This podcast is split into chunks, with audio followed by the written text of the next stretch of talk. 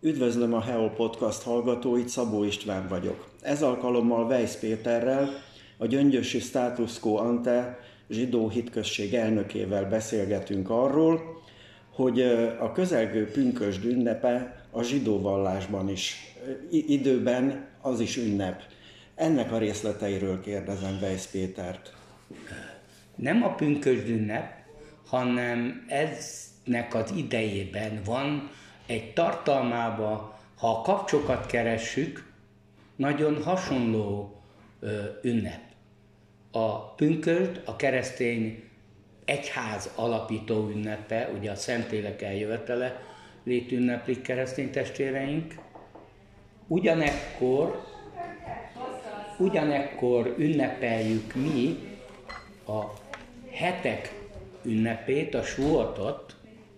A suot az nem más, mint a kivonulás utáni harmadik hónapban az örökkévaló adta nekünk a Tórát, tehát a zsidó szabadságvágyos zsidó közösség igazán összekovolcsolódásának, kvázi a zsidó felekezet, első felekezet létrejöttének az ünnepe, amelyet a zsidó húsvét a Pészaktól számolt 49. nap után tartjuk.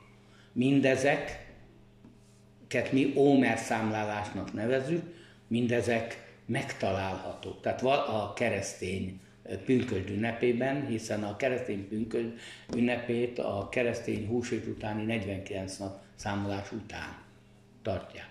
Mire bizonyítékat? Arra, hogy sokkal több köt bennünket össze, mint ami elválaszt.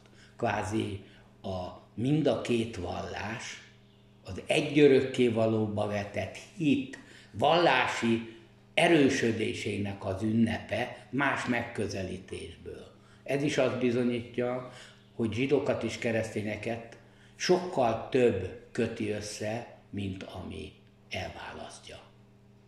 Ezzel kapcsolatban ön előadásokat is szokott tartani, középiskolákban, meg esetleg máshol is ezekről beszélne nekünk? Mindenképpen fontosnak tartom, hogy a jövő nemzedéke kapjon önbecsülést, és ismerje meg a múltját. Magyarországon nem számolt tevő az antiszemitizmus, de egy filozófus írt egy könyvet, még zsidó sem kell hozzá, tehát őrület lesz. Aki megy a focipályára, hal mindent de igazából nincs mögötte valós realitás. Ami problémát jelent az ismeretanyag kellő hiánya.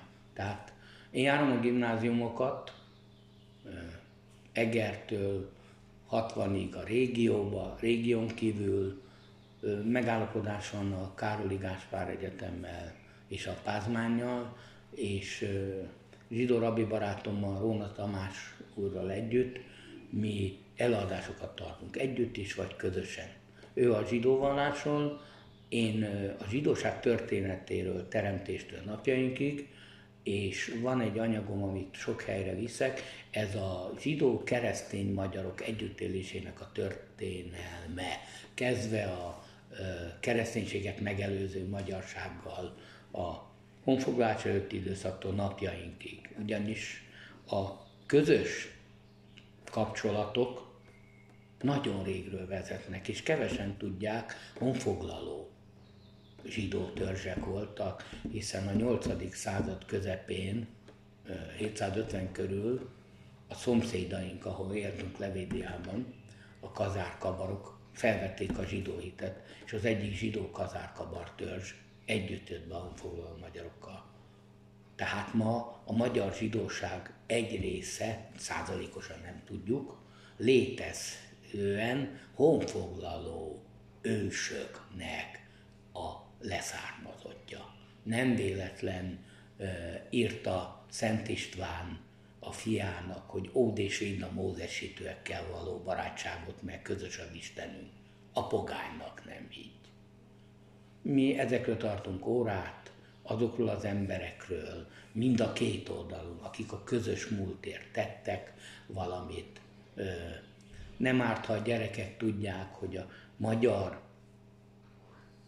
kultúrtörténet két legnagyobb zenei műve a csártás és a verbunkos, és az se árt, hogyha tudják, hogy a első Nemzeti Színházban megjelent darabot egy Rosenthal Markus nevű balacsagyarmati zsidó rabbi fia írta, bár az utókor Rózsa Völgyi márként ismeri, a verbunkost pedig egy Bihari János nevű roma ember. Fontos tudni, mert ez bizonyítja, hogy mennyire szerte ágazó és mennyire csodálatos a magyar kultúra.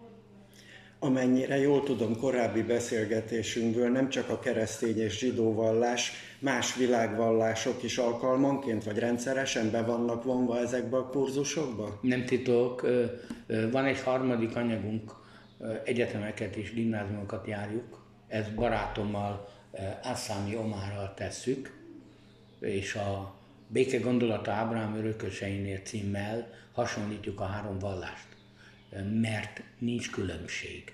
A Korán legfontosabb szúrái között ott, ott van, hogy egy örökké való behígy engem, bennem, ugyanaz az Isten, nevezhetjük Jakvénak, Jehovának, Elohimnak, Alalnak, ezek tulajdonságok. Egy Isten, benne van, hogy ne olts ki emberéletet, fegyver csak védekezésre használd, a te fegyvered a hit, adakoz, és ne bánd a családodat a tíz parancs erkölcsi értékei más néven, más fejezeti felsorolásban a Koránban ugyanúgy benne vannak, mint a zsidó-keresztény kultúrában.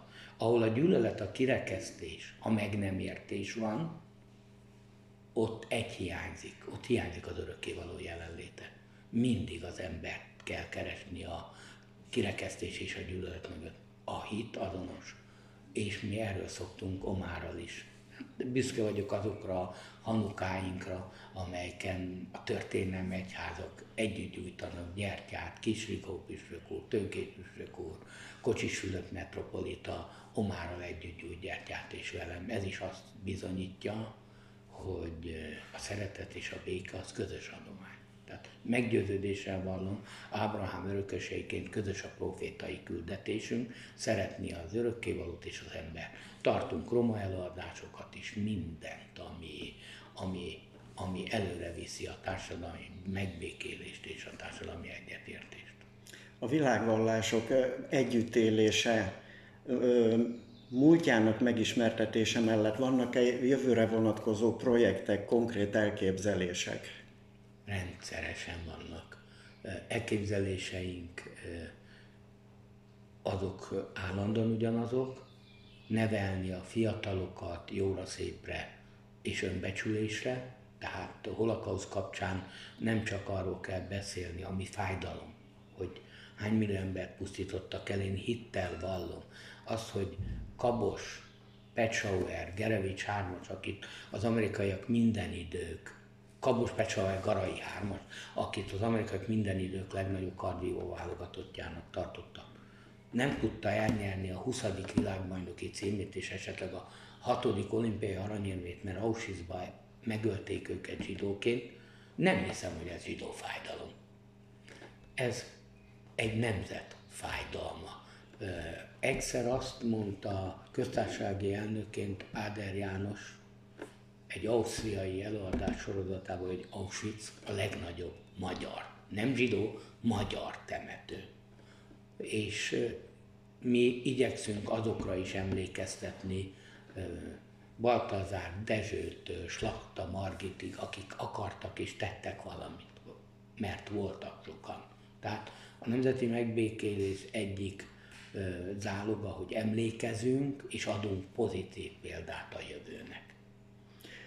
Még egy utolsó kérdés erejéig visszatérve a hétvégi zsidó ünnepre, hogyan zajlik ez az ünnep? Hogyan ünnepelnek ez a zsidók? tehát felvonulással, dísz feldíszített zsinagógával. Tehát ez egy boldog öröm, ünnep, ez a zarándok ünnepek egyike, és miután a, a tóra és a vallás igazán alapjainak a lerakása történt ezen a ünnepen, ez a egyik leg legvidámabb és legszebb ünnep.